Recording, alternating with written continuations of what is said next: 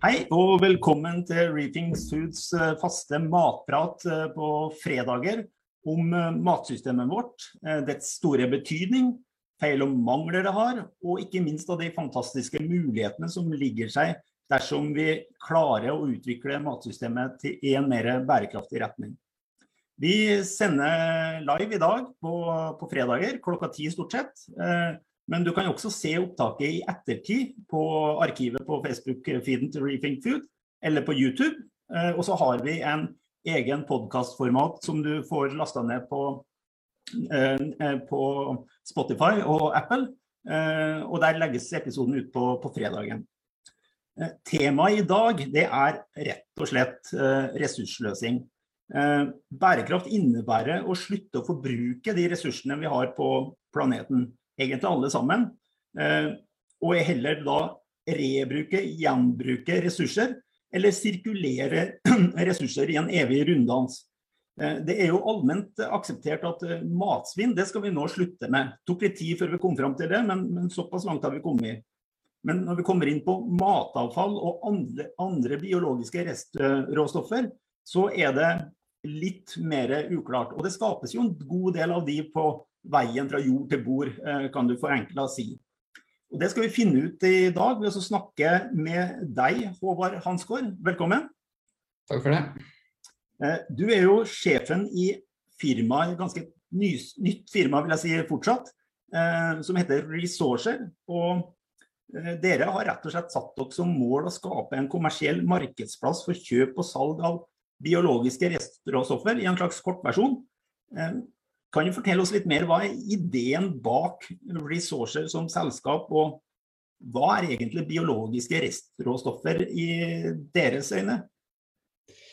Ja, altså jeg har jo prøvd å forklare det her vi driver med til mange, og jeg har vel erkjent at uh, kanskje man må starte med å beskrive hva er biologisk restråstoff, uh, for det er ikke tydelig for alle. Men vi har altså laga en, en overordna kategori der vi putter alt ifra eh, matavfall. Eh, det kan være eh, slakteavfall fra slakteriene. Det kan være eh, fra lakseslakteri, det avfallet der. Eh, så det kan være innvoller og sporer og hoder osv. Det kan være meieriavfall, den resten man får når man produserer ost. Um, og det, Der er det en lang rekke med, med, ressurser som er like verdifulle egentlig ernæringsmessig som primærproduktene, men som vi ikke klarer å skape verdi på. Så I mange tilfeller så har de her eh, ressursene negativ verdi, for, både for firmaet og for, eh, for samfunn og miljø. Eh, og går til utslipp kanskje til en fjord eller til, til jord, eller på andre måter vann og luft. Så det, det er et stort problem. Å, vi, har, vi, har, kartlagt dette problemet og ser at det, det er ganske formidable tall. Da. Så her er det snakk om over to millioner tonn med biologisk eller organisk restråstoff som eh, potensielt kan brukes vesentlig bedre og skape mer verdi både for samfunnet og for dem som genererer de her restråstoffene. Eh, så vi har eh, vi starta med en enkel tanke om at en, en, markedsplass må jo være det som eh, muliggjør omsetning av det her. Eh, sånn at det, det markedet er lite utvikla, og, og, ved å legge til rette med en markedsplass, og så burde det eh, bli bra. Og, og mye mye råstoff burde bytte hender. Da. Men så ser man etter hvert at dette markedet har, har, noen strukturelle utfordringer. sånn at vi har vel gått ifra å kalle det et, en markedsplass til å kalle det et markedssystem.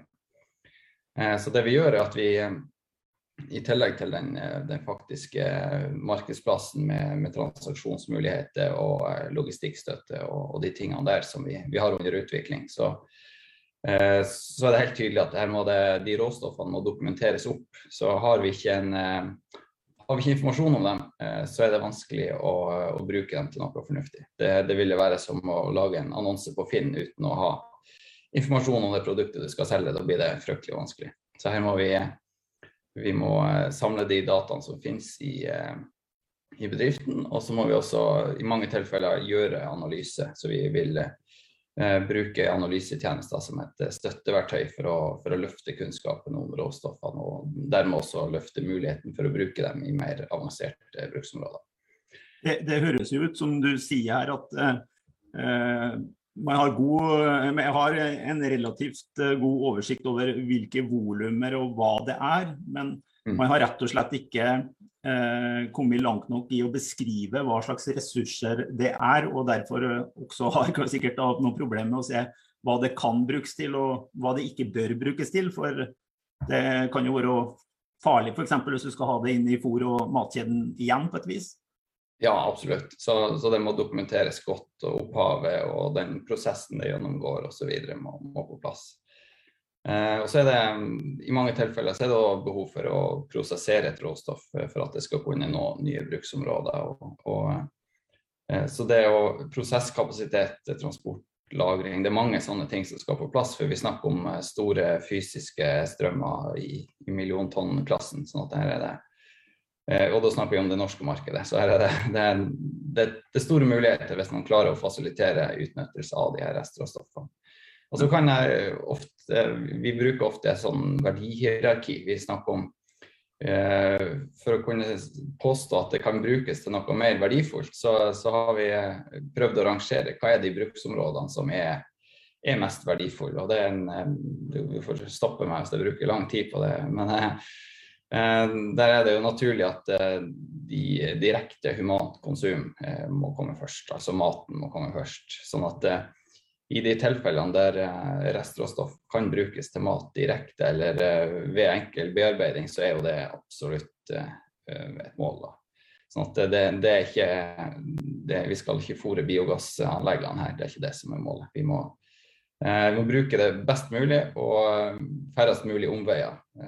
Og når vi f.eks. lager fôr av noe, så er jo det for at det igjen skal bli til mat. Eh, så, så fôr er en omvei hvis vi kunne brukt det direkte til mat. Men, men er det eh, Jeg tar det poenget der at eh, skal du utnytte ressursene, og det er jo en viss behov for å evne å produsere, skaffe nok mat til både dagens befolkning og ikke minst vi skal bli mange flere inn mot 2040 og 2050. Mm. Eh, men er det store deler av det volumet på to millioner tonn som du beskrev, som rett og slett kunne brukes eh, direkte til mat, selv om det har på en måte gått ut av eh, matsirkelen i utgangspunktet? Ja, det er jo det. F.eks. på pakkeriene i, i grøntnæringa så sorteres det jo ut store volum. Og der er det jo, kan vi fort snakke om 30% av totalen som som egentlig er menneskemat, men som eh, ikke møter kravene til det butikkene skal motta, da, som skal ligge i butikker.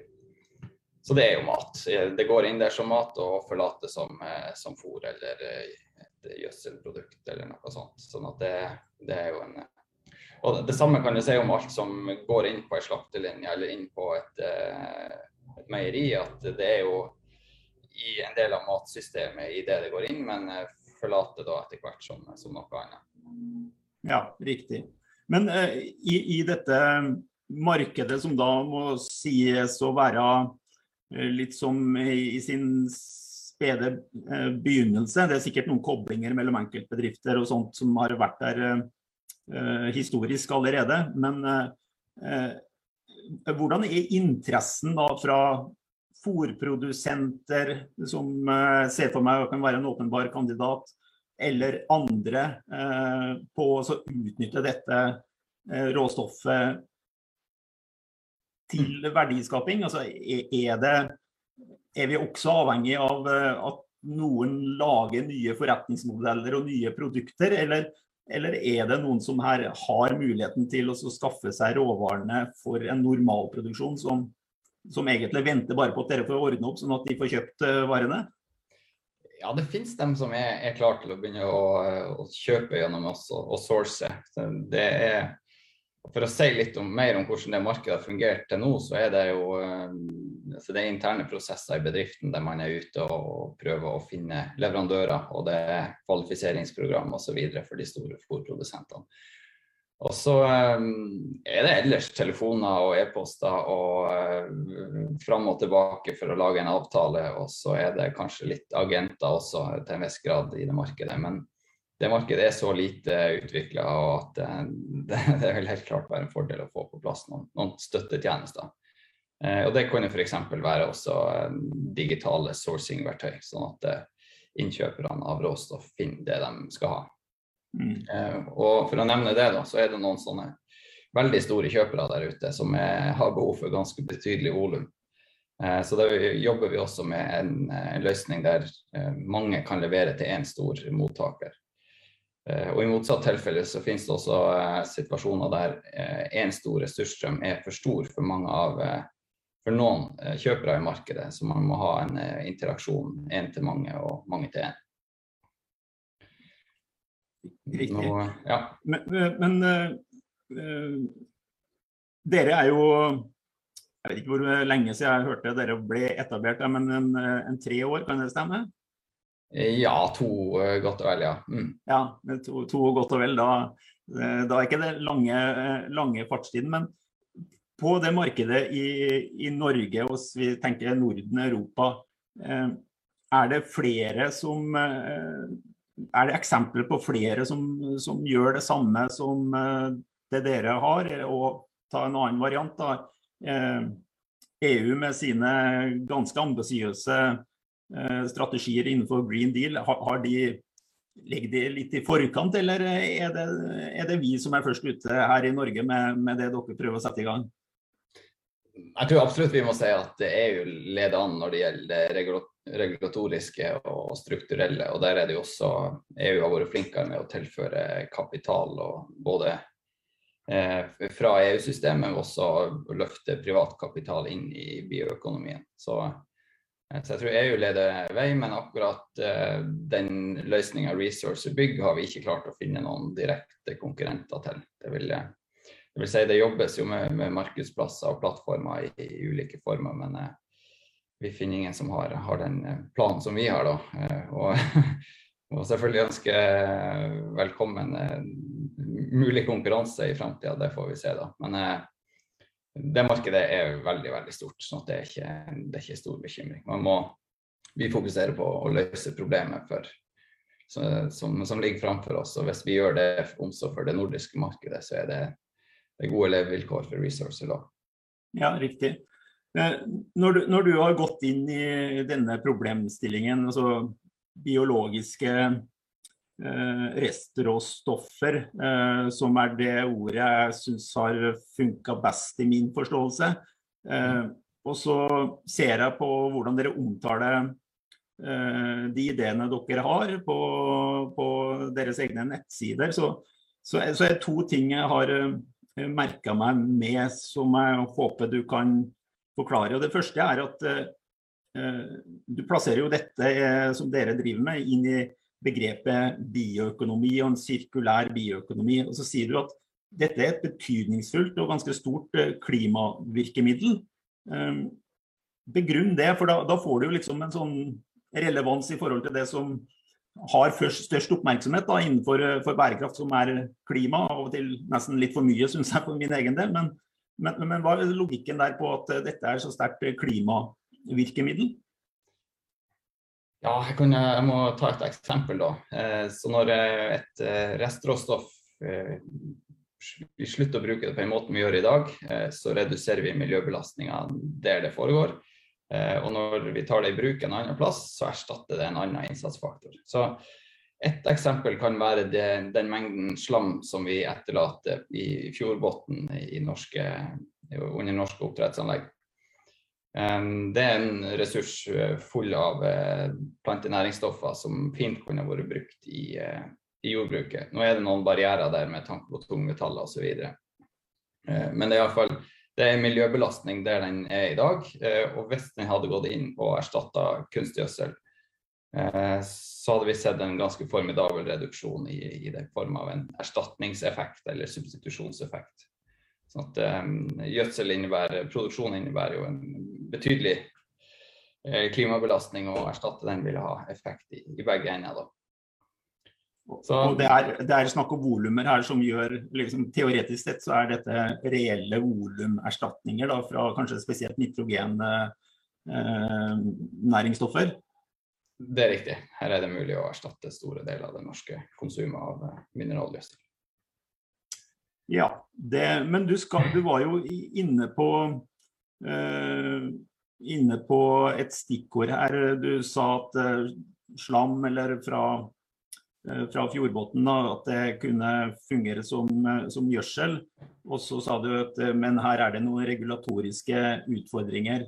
Og er det noe som jeg har erfart ved å jobbe med bærekraft i de siste ti åra, det og, sirkulære løsninger, så er det jo at eh, vårt regelverk i utgangspunktet er laga ikke for sirkulær tenkning, men for lineær tenkning. Og at eh, uten, eh, og uten å være intensjonen, så, så, er det betydelige barrierer som gjør at eh, det, den gode ideene møter krasj i enten norske forskrifter eller EUs direktiver og forordninger. Mm. Eh, hvor stor grad av eh, utfordring ligger på, på slike spørsmål, vil du si? Jeg vil si at det er jo eh, det er nesten alt. Vi kan fasilitere dette markedet og få til en del ting gjennom en digital plattform, men eh, det store, store utfordringen ligger på det regulatoriske. Og kanskje også, skal vi kalle det strukturelle, for det, det er noen Eh, noen utfordringer knytta til eh, også f.eks. kapitaltilgang og osv. Så, videre. så eh, det kan jo kanskje være grei anledning da, på det spørsmålet å nevne at vi er involvert i et prosjekt som heter BioDigCirk, der myndigheten det vil si, Forrige regjering kom med et, et, forslag og et punkt i sin sirkulærøkonomistrategi som har blitt fulgt opp av denne nye regjeringa. Der er tre departement involvert, og Brønnøysundregistrene er prosjekteier på et, eh, på et eh, ja, hva jeg tror vi kaller konseptutredning. Da. Men eh, det, altså, det, handler om å finne muligheten for å skape en biologisk markedsplass, et biologisk et markedssystem, sånn at vi utnytter de ressursene bedre. Så den, Vi ble kontakta her før jul, og det hørtes ut som det var en veldig bra match med det vi driver med og det prosjektet ønsker å få til. Sånn at, eh, så vi har, eh, vi har jobba med, med, de utfordringene i, i vinter nå og avslutter fram mot sommeren.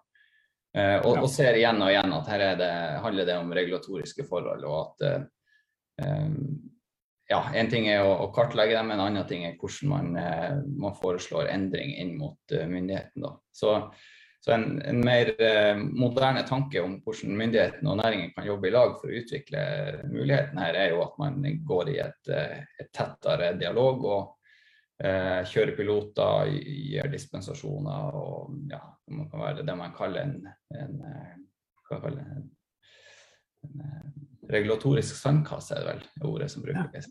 Ja. Man går i litt tettere samarbeid for å, for å jobbe med de her problemstillingene. For de, Eh, som du sier, så oppstår de egentlig i alle ledd, og her skal vi ikke endre bare én brikke i et uh, eksisterende eh, system eller eksisterende verdikjede, men man skal skru litt på alt sånn at det begynner å fungere. Og, uh, og i det bildet så hører det jo også en del sånne forhold som uh, f.eks. prisen på det vi i dag bruker som innsatsfaktor som vi potensielt kunne ha erstatta hvis, hvis, prisen og, og konkurransesituasjonen tillot det. Så det kan være både gjødsel og fôrråvarer osv. Det, det er jo noen eh, kostnader ved måten vi gjør ting på som belastes eh, miljø og samfunn som eh, ikke det er satt kroner og øre på. Og det ville vel da kunne ha øka konkurransekraften til alternative forretningsmodeller eller ressursutnyttelser. Så innsikt eh, forstår jeg at man eh, da har satt i gang et arbeid på. Eh, men, men vil du Jeg mener å ha sett i, i EUs sirkulærøkonomistrategi som er jo veldig beslekta med den som vi har i Norge. Jeg tror de, Den norske er litt inspirert av den til EU. Men i EUs sirkulærøkonomistrategi så, så var det jo mer eller mindre slått fast at Eh, kommisjonen måtte gå gjennom alt regelverk for å luke ut eh, alle, eh, alle hindre som var utilsikta for å få til sirkulære løsninger, egentlig uavhengig av type, type vareproduksjon.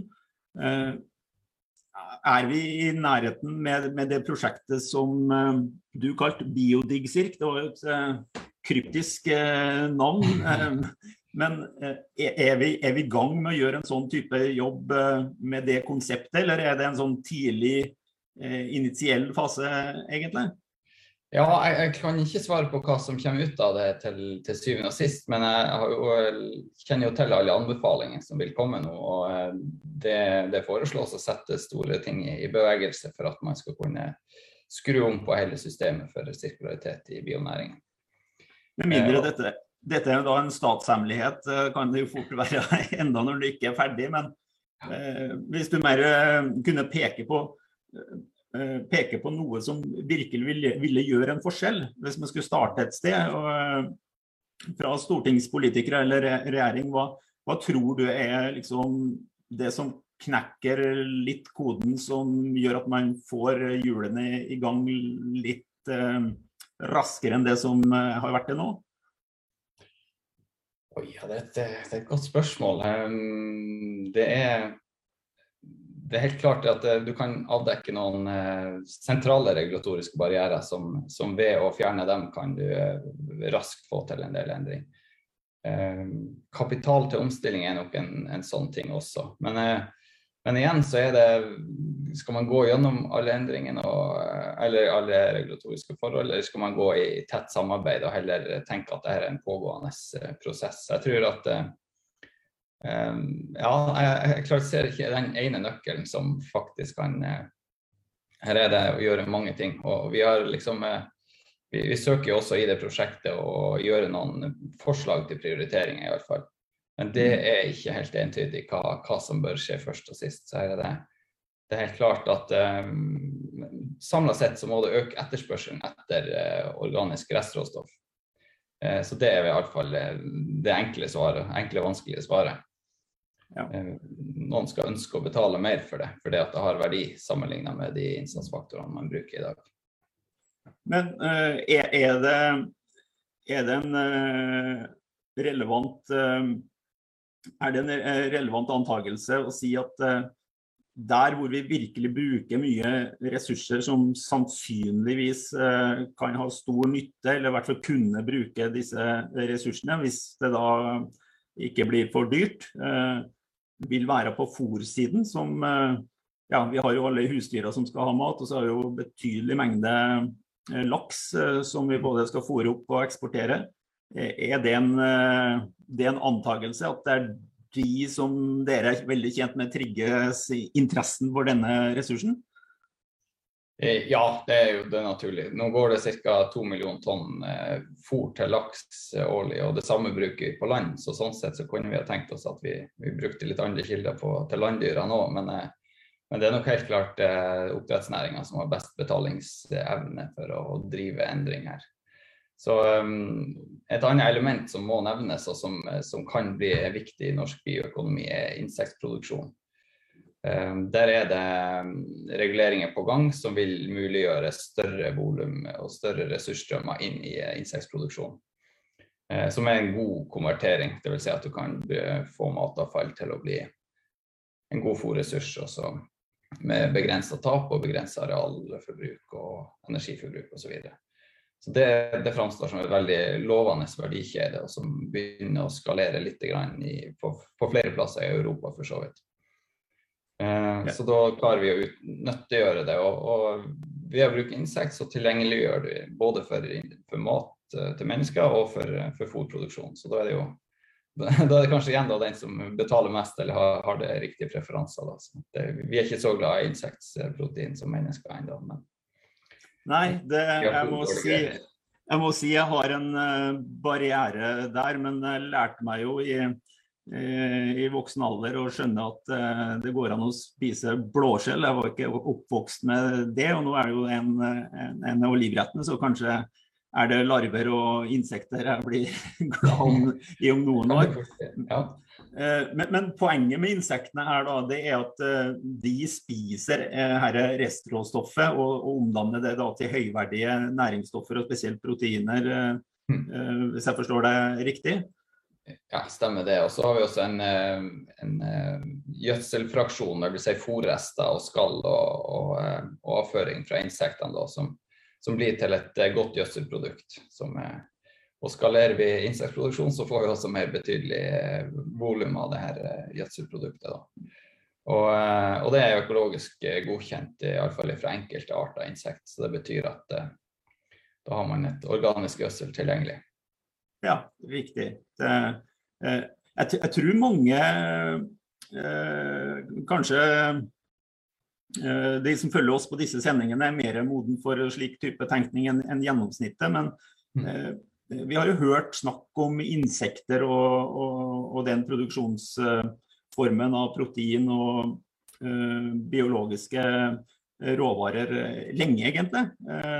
Men du, du, er en av de som tror at dette kan bli et stort og betydningsfullt volum, og ikke bare noe som er si, litt snedig og, og en teoretisk mulighet?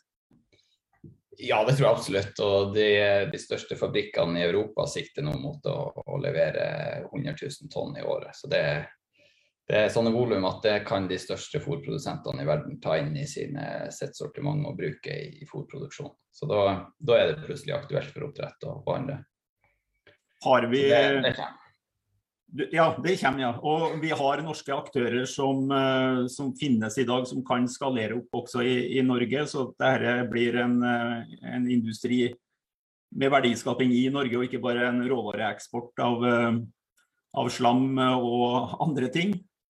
Ja da, det, det tror jeg absolutt. Vi har, vi har mulighet til å, til å, ta i bruk eh, altså Vi har et par store produsenter på gang, og så er det flere små initiativ også. sånn at det, de har slitt litt i startgropa, men nå ser det vel ut som det kan begynne å løsne både regulatorisk og også med, med kapitaltilgang. Så her tror jeg. Og, og gjødsel trenger vi, og eh, fôrressurser trenger vi. Og, eh, jeg kan jo si Det at det som har vært en begrensende faktor fram til nå, har jo vært at eh, de her insektene må ha vegetabilsk fôr, altså med sikkert opphav. Men men med en liten endring som skjer i EU nå i løpet av høsten, og sannsynligvis følger Norge på, så, så kan vi bruke blanda matavfall og det som måtte være egentlig av også animalske produkter inn der for å, å fôre insekter. Det du sier da er at uh, inntil nå så er det bare vært godkjent med vegetarkost for insektene, eh, rett og slett? Rett og slett. Og det, det, er sikkert en grunn til at animalsk ikke automatisk har vært, godkjent, som kan være god nok den, men eh, eh, går det an å si at det er, eh, er det spesiell risiko ved å tillate insektene å spise animalsk avfall? Strengt tatt? Nei, så Det finnes jo folk som kan mer om det her enn meg, men jeg går ut ifra at når EU antyder at det her vil, vil endres i løpet av høsten, så, så skyldes det noen eh, relativt gamle, gamle reguleringer som, som, handler om, om risiko for, eh, for prioner. Og, ja, ja. Det, det, finnes andre som kan det der bedre enn meg, og Mattilsynet har har nok sine folk på saken. Men eh, eh jeg, jeg, tror insekt i seg selv er også veldig veldig forskjellig fra, fra andre dyreslag. sånn at det er, ikke, det er ikke sånn at det automatisk er veldig farlig, nei. Ja, Når du nevner prioner, så skjønner jeg jo at eh, Mattilsyn og eh, vitenskapskomiteer blir engstelig for eh, det Om ikke alle vet det, så er jo det som var årsaken til kugalskap og eh, Krausel-Jacobs sykdom rett og slett hos mennesker. Så det, det har jo en, en, en, alvorlighet til seg, teoretisk i, i hvert fall. Mm. men før vi går inn på sånn litt avrunding her Eh, Håvard, så eh, det er jo sånn at på, på både fôring av, av, fisk og på husdyr, så eh, er det jo behov for tilgang på, på, protein. Og ikke minst på oppdrettssiden så er de jo veldig avhengig av å få erstatta eh, soyaproteinet, som de bruker ganske mye av, eh, med noe annet for å få ned sitt klimaavtrykk. Det fikk vi høre fra Salmon Group her i en sånn tidligere Eh, tidligere podkast.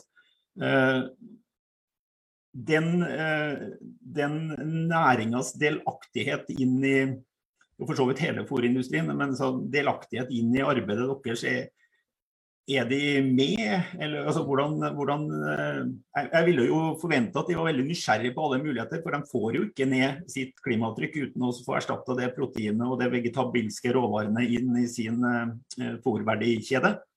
Mm. Eh, ja, de er med. Både enkeltaktører har vist interesse, og Sjømat Norge er jo veldig delaktig i uh, prosjektgruppa i Biodig Cirk. Sånn at det er betydelig interesse for å men, men, eh, kanskje litt famlende så. Hva er det egentlig vi skal, eh, skal, ta i bruk? og Hvordan skal man jobbe systematisk med å skaffe annet fôr eh, som, som, har lavere fotavtrykk? og som ja, Strengt tatt ønsker de jo også en annen opprinnelse enn brasiliansk soya. Det, det, er ikke, det er nok ikke sånn at man ønsker det. Det er det som fungerer per i dag, og det som er en pålitelig kilde. Så, ja, det, er, det, er, noen elementer rundt eh, forsyningssikkerhet og, og, visibilitet på at man, man, klarer å få de volumene man trenger over tid. Så det må man ha, ha med seg.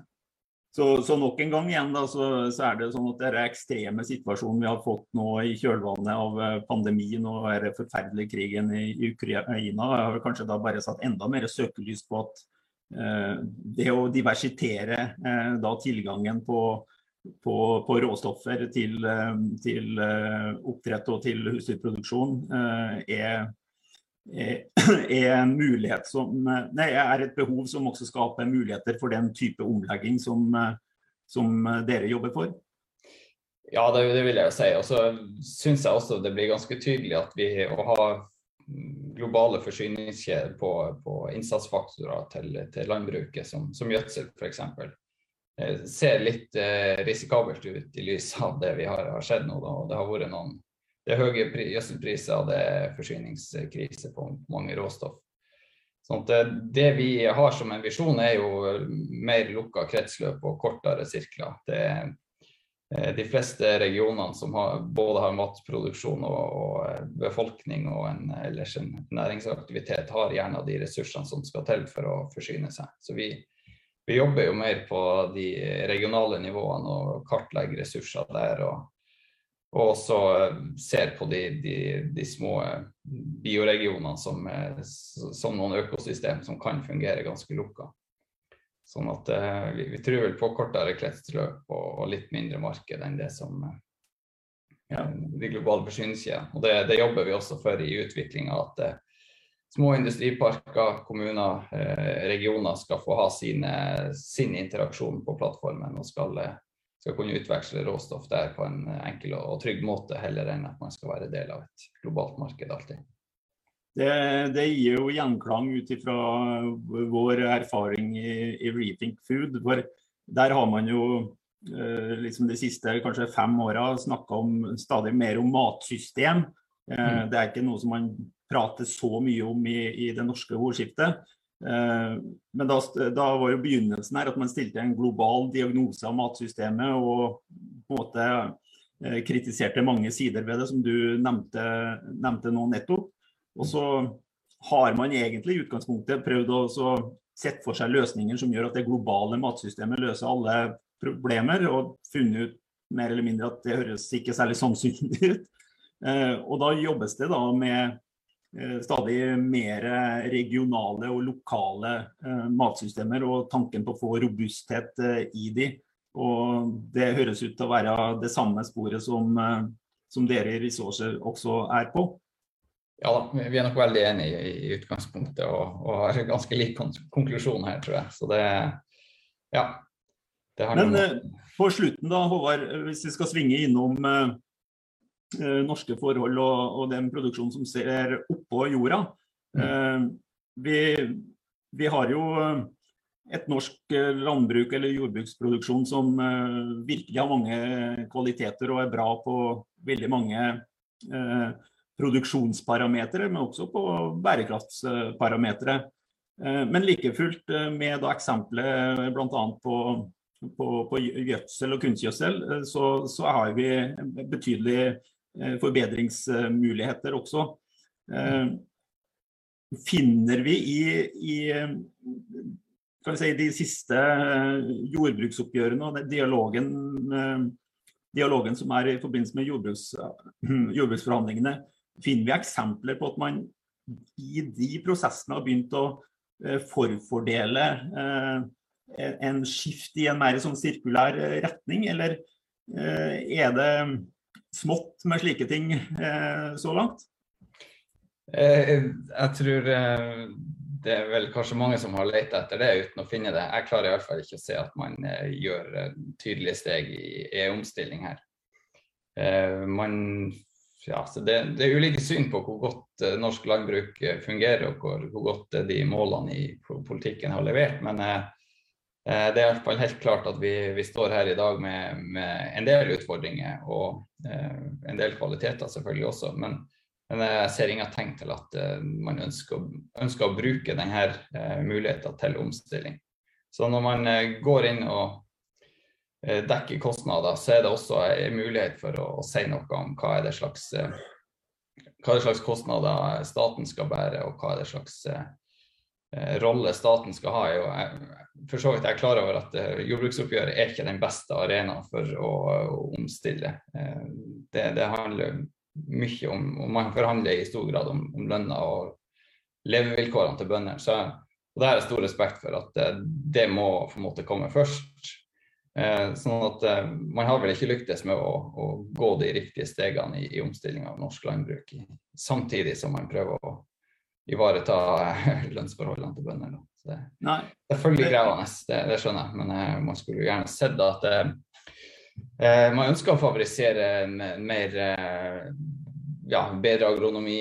Eh, tok større tak i også strukturvirkemidlene, syns jeg har jeg lenge pekt på som skal vi ha eh, jorda i, i, Troms og i gamle Hordaland i drift, så, så handler det om antall bruk. Det, det nytter ikke hvor mye penger du putter inn i eksisterende system.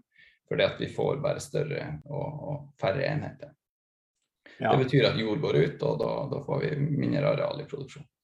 Ja, og Det er jo sørgelig gitt eh, kan vi si, anbefalingene og konklusjonene fra, fra klimapanelet, som er veldig tydelige på at vi må bruke det jordbrukslandet som er oppdyrket, sånn at vi ikke legger press på andre deler av planeten som, til å dyrke opp eh, skog som helst bør stå der i fred og ro og sørge for biologisk mangfold og, og karbonbinding. Eh, men eh, nå skal vi ikke vi ta en podkast her, avslutning på, på, jordbruksforhandlinger, og det er nå ferdig uansett. Men går det an å Biodigg-sirk. Så vi slutta med den. Det, det er sånn som jeg har forstått det, da, en, en utredning som ser konkret på, på, mulighetene og samarbeid mellom både næring og offentlig apparat rundt å legge, legge forholdene best til rette til å utnytte ressurser. Eh, og så er dette en, eh, en, utredning som gjøres på i løpet av veldig relativt kort tid, da, i dette halvåret vi er inne i.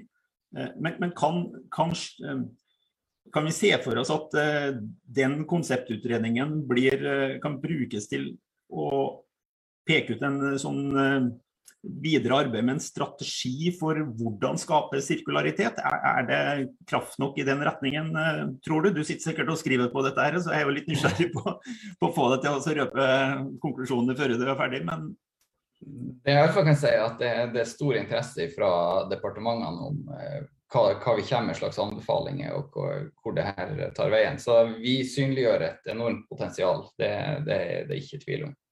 Eh, og det skal ikke fryktelig mye midler til for å utløse noe av det her. sånn at det, eh, det, det, burde være ganske tydelig at her kan myndigheten spille en helt sentral rolle i å utvikle en ny næring. og det, eh, det er mange milliarder man kan få, få muliggjort av, av, næringsaktivitet og, og verdiskapning på de råstoffene vi allerede har brukt krefter på å høste fra naturen. Mm. Så det handler ikke om at vi skal utnytte tynne økosystemene enda hardere. Det handler tvert imot at vi skal eh, klare å få mer ut av det vi allerede har brukt energi og, og tid på å høste fra naturen eller produsere. Eh, og kanskje kan vi til og med redusere arealbruken i, både i Norge og utenlands, hvis vi, vi, tar i bruk de ressursene som faktisk er i omløp. Rett og slett eh, skape verdier med å sløse mindre. Det burde jo være en eh, suksessformel for eh, alle økonomer, det, ikke bare idealister i slike spørsmål. Eh, vi er på slutten nå, Håvard. Jeg har lyst til å gjøre en liten deal med deg. Eh, dere kommer med eh, rapport fra prosjektet Biodigsirk før sommeren, stemmer det? Ja, 1.7. 1.7. Eh, og i juli har jeg tenkt å ta sommerferie, så da, da, da blir det ikke noe podkast om, om, dette da. Men kan vi gjøre en avtale om å rett og slett gå inn på konklusjonene fra Biodigsirk eh, når vi bekker høsten og ny, eh, ny arbeidsgiver har meldt seg etter, eh, late sommerdager? Ja, det syns jeg er en god plan. Vi tar gjerne en prat om ja, men Det er bra, for uh, dette er verdt å dukke dypere i. og Håper vi klarte å trekke fram noen elementer for dere som hørte på. Og som sagt da, så uh, lages det en uh, ganske viktig utredning nå som heter BiodigCirk. Den kan dere søke opp og finne ut noe mer av. Og Så kommer vi tilbake med et program om konklusjonene fra den rapporten, og hva som kan gjøres for å følge opp den innsikten som dere har eh, bygd opp gjennom det arbeidet, eh, Håvard. Ja, det ser jeg fram til. Da har vi en, har vi en deal. Eh, tusen takk for praten, og lykke til videre med arbeidet. Håper virkelig dere har eh, starta en skikkelig god eh, markedsplass, og at det blir mye omsetning gjennom de systemene dere er i ferd med å utvikle. Takk for praten. Ja, takk for det.